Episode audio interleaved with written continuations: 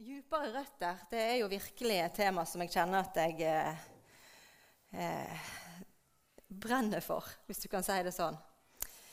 For vi har som Agnar sier, vi har vært i dette temaet dypere røtter i eh, eh, hele høsten. Eh, sett på det på forskjellige vinklinger. Og Bibelen har mye å ta av på eh, dette temaet, så det er mye vi kan lære. Og det er utrolig mange viktige sannheter som jeg tror vi som storfamilie vi trenger å høre, vi trenger å hjelpe hverandre til å stå sammen i og leve ut. En liten sånn eh, oppsummering så langt eh, hva vi har vært igjennom. har jeg lyst til å starte med. For Vi begynte høsten i Salme 1.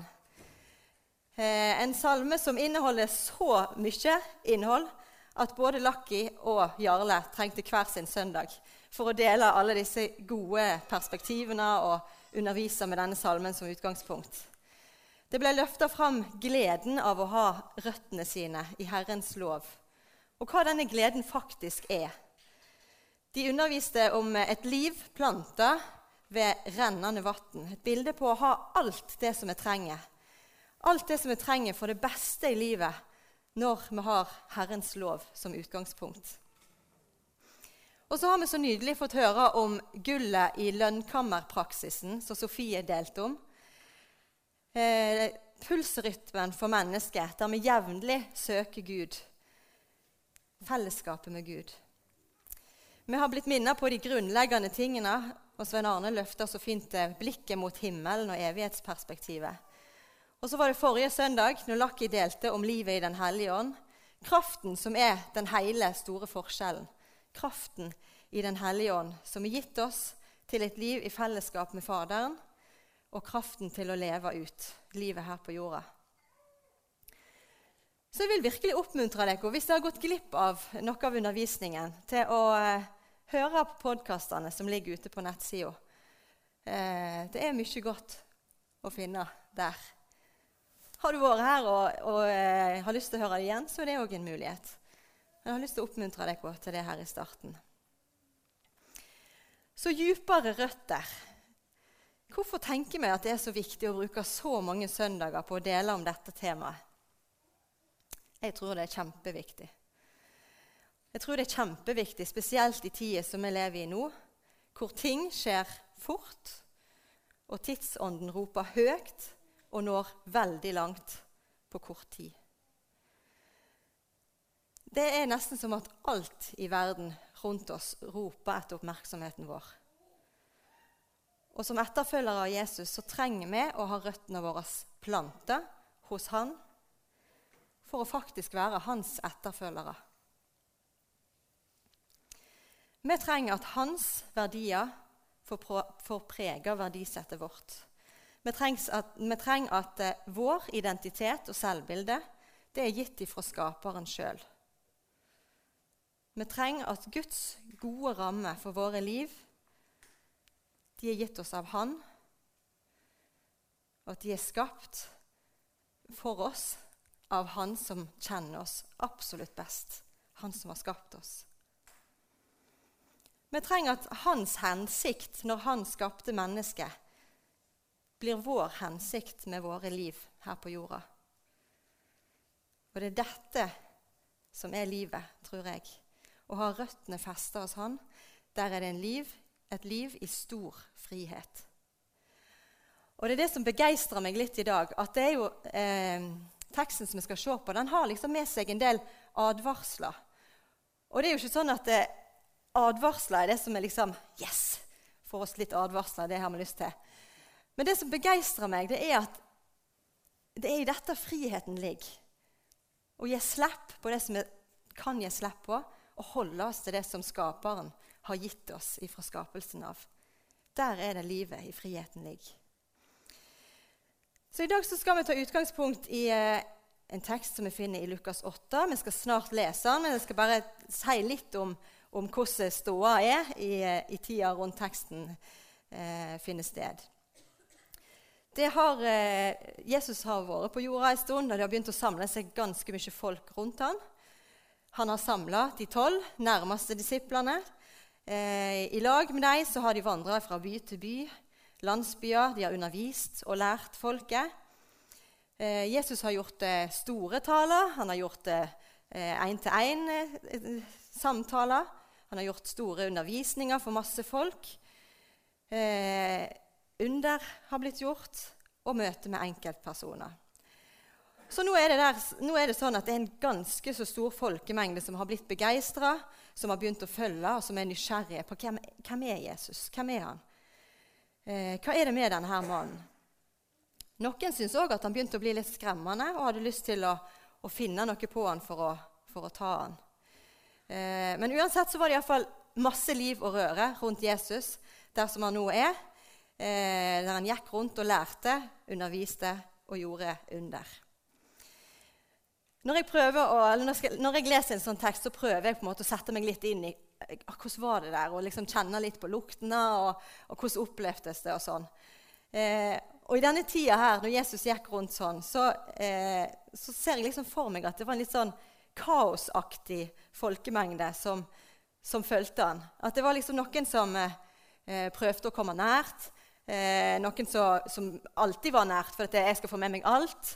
Og så er det noen som er litt mer forsiktig i bakgrunnen, men som, som, har egentlig lyst til å få med seg alt, men er litt sånn usikker. Våger jeg? Eh, holder seg litt mer sånn på avstand, men vil egentlig. Eh, så sånn ser jeg for meg at disse, altså, situasjonsbildet er der når Jesus skal dele, dele fra den teksten som jeg skal se på i dag. Eh, for Jesus han hadde undervist mye allerede, eh, og det var mange ting som eh, folkene ikke hadde forstått fordi at han snakket så radikalt annerledes enn det de var vant til i lovene som de hadde tidligere. Og I dag så begynner han òg å snakke i bildetale, for vi skal se på en lignelse. Lignelsen om såmannen. Og Den finner vi i Lukas 8, 4-15. Jeg skal lese den. Hvis dere har bibler med, så kan dere få slå opp. Og hvis ikke, så, så kommer det opp på teksten her på, på skjermen. Altså, det er lignelsen om såmannen. Det er en kjent tekst, eh, og vi leser fra Lukas 8, 4. Mye folk strømmet nå til fra byene omkring. Da en stor mengde hadde samlet seg om han, fortalte han en lignelse. En såmann gikk ut for å så kornet sitt, og da han sådde, falt noe ved veien. Det ble tråkket ned, og fuglene under himmelen kom og spiste det opp. Noe falt på steingrunnen, og det visnet, visnet straks det kom opp, fordi det ikke fikk hvete. Noe falt blant tornebusker, og tornebuskene vokste opp sammen med det og kvalte det. Men noe falt i god jord, og det vokste opp og bar frukt, hele hundre ganger det som ble sådd. Da han hadde sagt dette, ropte han ut. Den som har ører å høre med, hør! Disiplene spurte han hva denne lignelsen betydde. Han svarte, Dere er det gitt å kjenne Guds rikes hemmeligheter, men de andre får de lignelse for at de skal se, men ikke se, og høre, men ikke forstå. Dette er meningen med lignelsen. Såkornet er Guds ord. De ved veien er de som hører det. Men så kommer djevelen og tar ordet bort fra hjertet deres, for at de ikke skal tro og bli frelst. De på steingrunnen er de som tar imot ordet med glede når de hører det. Men de har ingen rot. De tror bare en tid, og når de blir satt på prøve, faller de fra. Det som falt blant tornebusker, er de som hører ordet, men som på veien gjennom livet kveles av bekymringer, rikdom og nytelser, så de ikke bærer fullmoden frukt. Men det i den gode jorden det er de som hører ordet og tar vare på det i et fint og godt hjerte, så de er utholdende og bærer frukt.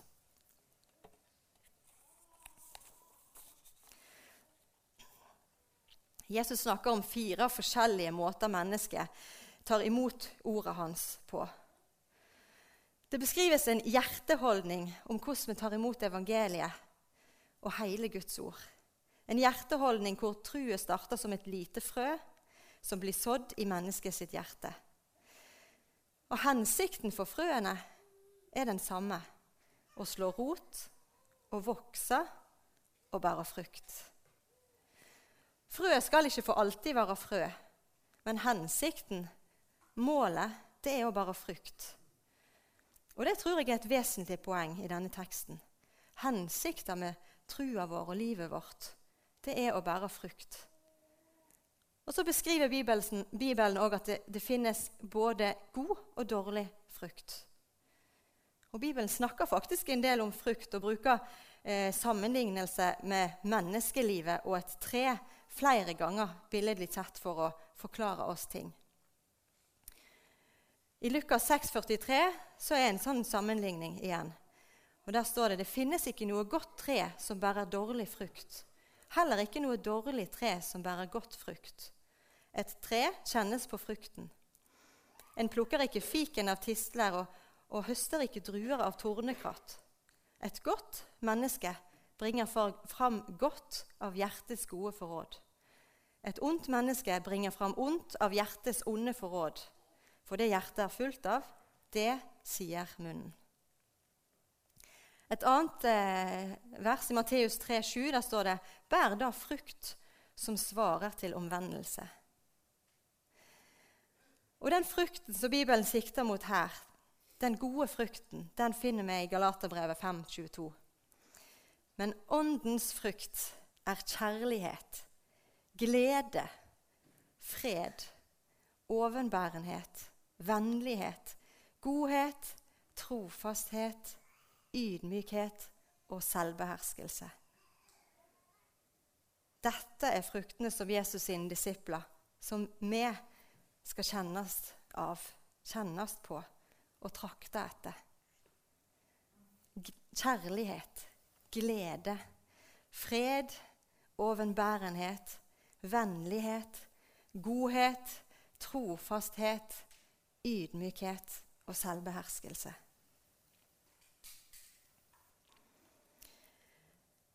Denne teksten om sommeren den handler jo om frukt. Resultatet, på en måte.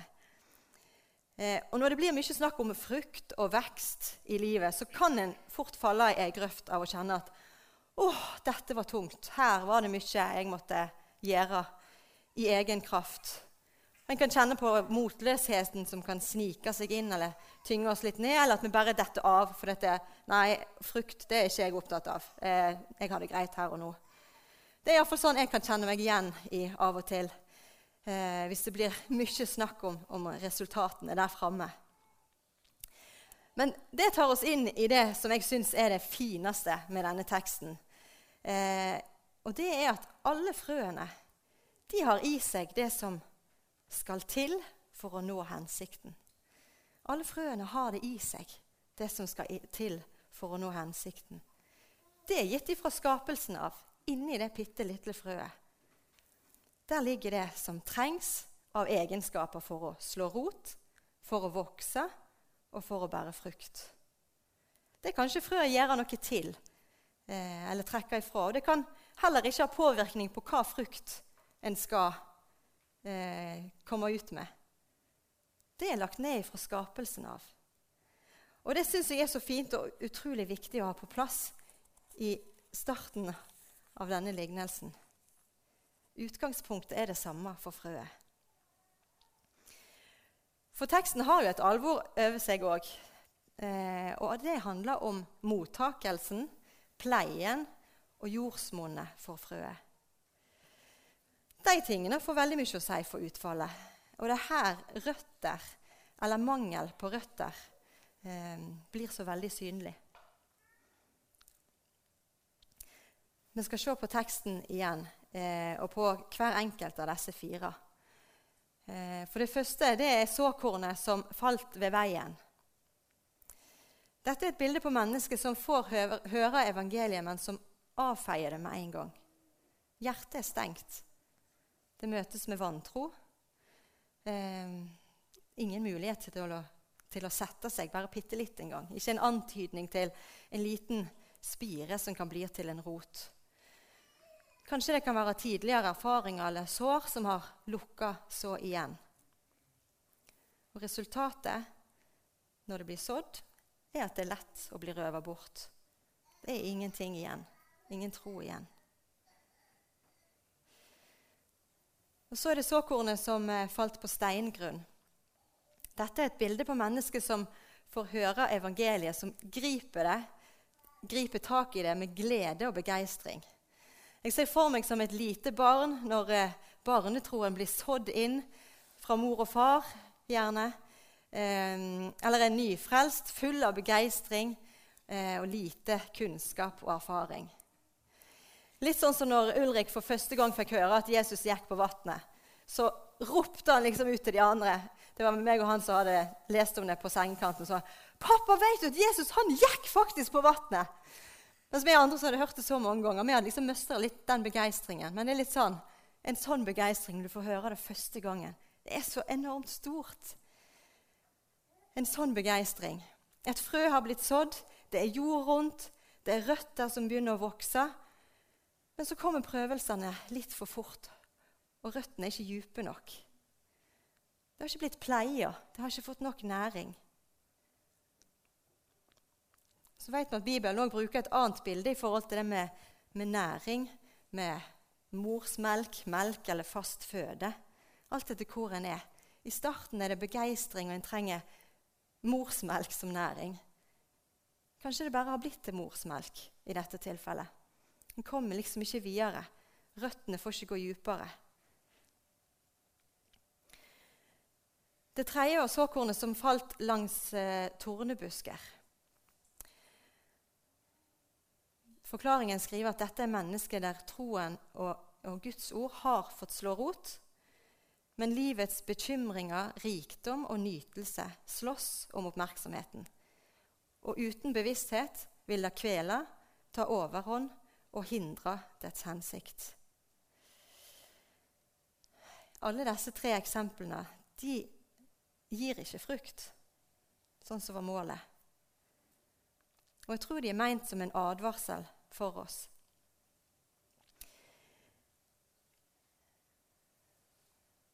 Jeg tror vi skal stoppe litt her i dag, i dette som er litt sånn alvor over. For vi snakker jo om å ha røttene hos Jesus. Eh, og så sier denne teksten også noe om å, hvor vi ikke skal ha røttene våre. Eh, det er utrolig mange ting i samfunnet i dag som, som heier fram det som er på overflaten. Det ytre blir applaudert. Og det er mange ting som roper etter oppmerksomheten, som jeg sa innledningsvis. Eh, som vil kjempe om plass i livet vårt. Og tida vår er skikkelig pressa. Noen avtaler i løpet av ei uke kommer oss ikke unna. Men i mange tilfeller så har vi mange valg. Valg om å prioritere. Bekymring, rikdom og nytelse er nevnt som eksempel i teksten her. Og jeg tror vi kan kjenne oss igjen i alle disse tre tingene, alle sammen. Det er lett for, og, ja, det er lett for at det kan få for stor plass i livet vårt. bekymring, rikdom og nytelse. I seg sjøl er det ikke noe galt med verken rikdom eller nytelse. Så kan vi jo diskutere hvor hensiktsmessig det er med bekymring eh, for det ene og det andre. Men kanskje det kan være litt sunt av og til, det òg. Men det handler om hvor mye oppmerksomhet det blir gitt og om det er røttene til rikdom og nytelse som blir vanna mest i løpet av en dag, eller om det er røttene til relasjonen til Jesus og hans ord. I parallellteksten til lignelsen om såmannen i Matteus så finner vi den. Og Der er ordet 'rikdommens bedrag' brukt. Det er et ganske voldsomt ord, da. Men, men eh, jeg liker egentlig altså det som står der, er 'Dette livets bekymring og rikdommens bedrag kveler ordet så det ikke bærer frukt'. Eh, egentlig så syns jeg at det ordet var ganske beskrivende. Rikdommens bedrag. For jeg tror at det er mye bedrag i et samfunn der rikdom har stor makt. Det er mye løgn som vi blir lurt til å tenke om som at vi ikke har et valg i møte med vi kan bli lurt til å tenke at vi trenger sånn og sånn. Behov som vi egentlig ikke har, blir noe som gjør at vi ikke er fornøyd før vi har det på plass. Vi kan bli lei oss av å ikke få til sånn og sånn. Mestring og prestasjoner blir målt opp i andre sine mestringer og prestasjoner. Selv om de kanskje var gitt noe helt annet enn deg.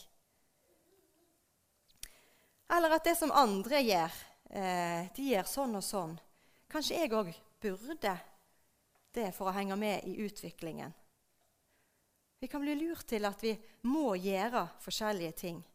Og så kan vi kjenne at sjølbildet avtar i møte med andre sin utside. Sammenligningen. Jeg lurer på om ikke mesteparten av dette har sin bunn i at vi egentlig har det for godt i materiell målestokk. Jeg lurer på om et fattig land kjenner på de samme utfordringene som vi gjør.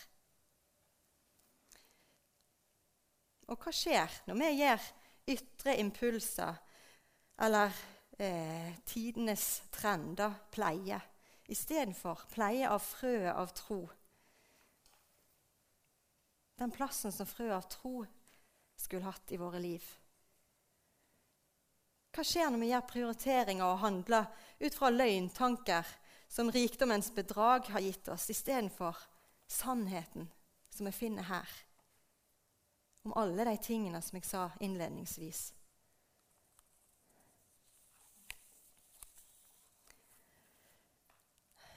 Lignelsen snakker om tornebusker som slår rot i lag med såkornet.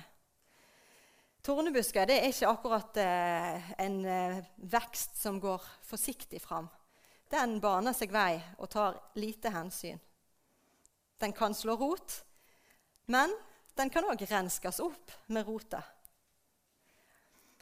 Det kommer nok litt an på røttene, men å grave i tornebusker det ser jeg for meg at kan være eh, skikkelig herk, som jeg ville kalt det. Altså en litt sånn krevende jobb. Eh, kan hende vi trenger å uh, hente fram gravemaskina. trenger litt eh, ekstra hjelp. Vi må grave litt djupt og ikke bare pynte på med ei hekkesaks for å, for å få tak i de dype røttene. Kanskje det kan være hjelp, uh, lurt å be om hjelp òg. Iallfall hvis jeg ser for meg hagearbeid hjemme hos oss som jeg skal langt ned, så kan det hende vi hadde trengt å, å be om litt hjelp. Men uansett så er jeg overbevist om at den jobben er vel verdt det arbeidet krever. Jeg snakker mye i bildet i dag, og jeg håper at det henger med. Og jeg, jeg prøver å gjøre det helt bevisst, fordi at eh, hvis jeg går inn i mange eksempel, eh, så er det lett for at vi kjenner igjen eksemplene i andre sitt liv, istedenfor at det skaper en refleksjon på innsida hos meg. Og Det er det jeg håper å få til i dag, at vi kan reflektere litt i eget liv. Eh, hva frø, hva røtter er det jeg gir næring til? Er det noe, som, eh, noe av rikdommens bedrag som har skapt en utilfreds i meg, som jeg jager etter, men som jeg ikke finner bunn av verdi i Guds ord? Et spørsmål som kan kanskje være til hjelp for å, for å, å avdekke noen sånne ting, er å, å tenke litt over er, hva er det jeg jager etter? Hva er det jeg trakter etter å sette høyt? Ta det med til Jesus og be han om å vise om det, du har et sunt forhold til det eller ikke. Gud lovde israelsfolket et land som flaut over av melk og honning. Et land med velstand og alt de trengte. Så det å ha det godt, det har vi absolutt lov til. Og så minner Gud på israelsfolk òg at når de hadde fått alt i 5. Bosebok 6,12 Når dere har spist og blitt mett, vokt deg da så du ikke glemmer Herren, som førte deg ut av Egypt. Det fjerde eksempelet fra lignelsen om såmannen det var kornet som falt i god jord. Eh, dette er den som hører ordet, forstår og tar vare på det i hjertet, sier forklaringen. Da får jeg lyst til å lese et vers fra Jesaja 30, eh, vers 15. For så sier Herren Gud, Israels hellige, hvis dere vender om og holder dere i ro, skal dere bli frelst. I stillhet og tillit skal deres styrke være. Men dere ville ikke. I stillhet og tillit skal deres styrke være. Men dere ville ikke. Kan det sies om oss òg? Eller vil vi? I løpet av en dag så gjør vi mange valg av tida vår. Vegard sier ofte at vi velger oss travle. Og Jeg kan av og til bli litt provosert og kjenne at eh, ja, men har vi egentlig et valg? men han har rett. Vi gjør valg og prioriteringer som gjør oss travle. Noen valg har vi tatt for en periode, så det er vanskelig å på en måte hoppe av umiddelbart. Men vi er ansvarlige for både små og store valg som vi gjør. For at et tre skal bli stort og gi frukt, så trenger det røtter som går djupt. Og røttene bør være like store altså Røttene bør være like store som det synlige treet for at det skal være stødig og stå støtt i storm. Og For at jorda skal være god, så trenger den regelmessig pleie. Og Det er der de små valgene våre kommer inn. Og de større, men de små valgene hver dag. Det blir ikke god jord eller god vekstvilkår hvis jeg drukner plantene mine hjemme den ene dagen. Massevis av vann. Så lar jeg de tørke ut og glemmer de av en god stund etterpå. Det har jeg prøvd. Det er ikke så veldig god taktikk på plantene mine hjemme. Vi er ansvarlige for våre liv og hva vi gir daglig næring. Når Jesus var i ørkenen og ble frista av djevelen, så sa han til han, Mennesket lever ikke av brød alene, men av hvert ord som kommer fra Guds munn. Vi trenger næring til kroppen hver dag, og vi trenger næring ifra Gud hver dag. Den som hører og tar vare på, sier lignelsen, for meg så, så, hører jeg at dette er en vandring i lag med Gud. Det er ikke de store skippertakene innimellom. Ikke de store konferansene, inspirasjonssamlingene. De kan for all del være til god hjelp, men de daglige valgene om rytme sammen med Jesus, i Guds ord, i fellesskap med Han, det er det som er avgjørende, og det er det som gjør forskjellen.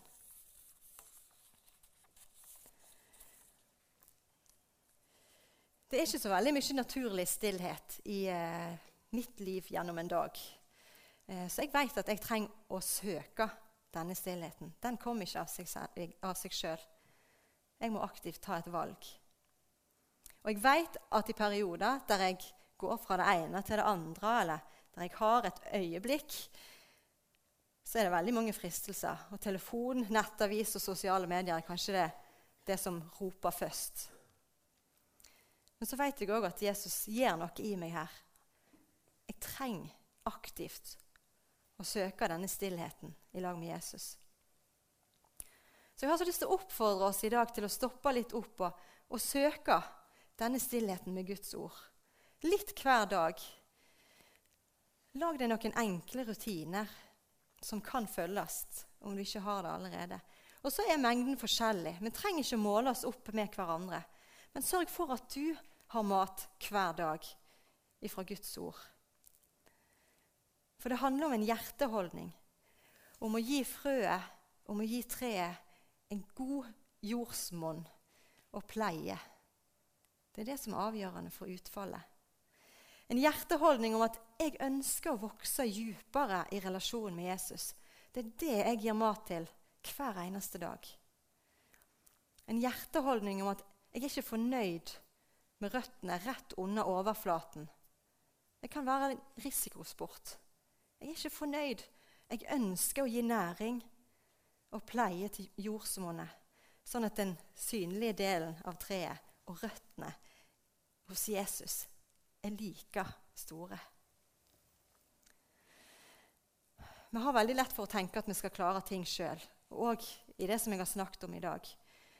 Eh, klare ting sjøl gjennom uka, så har litt Jesus med i det som vi tar oss føre. Så glemmer vi at sannheten i, i Guds ord er noe annet. Matteus 6,33 så står det søk først Guds rike og hans rettferdighet, så skal dere få alt det andre i tillegg. Guds rike er opp ned. Det vet vi egentlig. Og det å stå rotfesta i Bibelens sannheter og la det få være sannhet over våre liv, det er der friheten er. Det er der jeg kjenner begeistringen er. Den friheten som Gud ifra skapelsen hadde planlagt for oss mennesker. Og det er det jeg kjenner i forberedelsen på denne undervisningen i dag. At det er jo en litt sånn alvorlig tekst eh, hvor vi ikke skal sette røttene våre. Men jeg kjenner glede og begeistring over at det er jo hos Jesus den største friheten er. Det er jo det det er meint ifra, ifra skapelsen av. Av skaperen som har skapt oss, kjenner oss aller best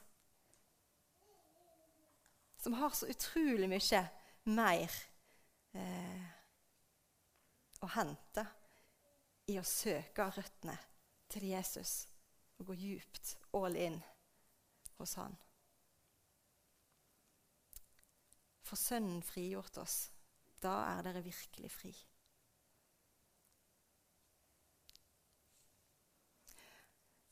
Vi ber. Jesus, jeg takker deg for at eh, hos deg er vi virkelig fri. Du kjenner oss, Jesus.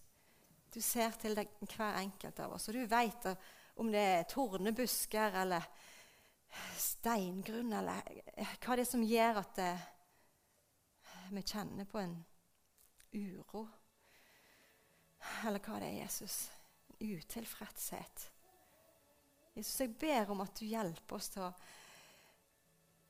til å søke sannhetene i ditt ord, og til å la deg få prege oss hver eneste dag, Jesus. Tusen takk for at du, du eh, Hos deg er det alltid mer. Hos deg er det alltid noe nytt. Hos deg er det alltid en ny start. Og tusen takk for at det er det er med deg vi står stødigst, Jesus. Vi skal ikke gjøre dette alene. Tusen takk, Jesus, for at eh, du ønsker å sette fri.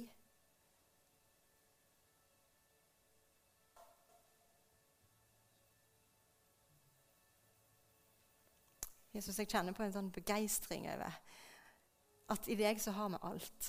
Alt som vi trenger. Og Fyll oss med det i dag, Jesus. Hjelp oss til å legge av, eh, omvende oss, eller ja, si ut det som vi, som, vi ser at det ikke er av deg i vårt liv, Jesus. Og la oss få gå ut herifra i dag og kjenne på en begeistring over friheten i deg.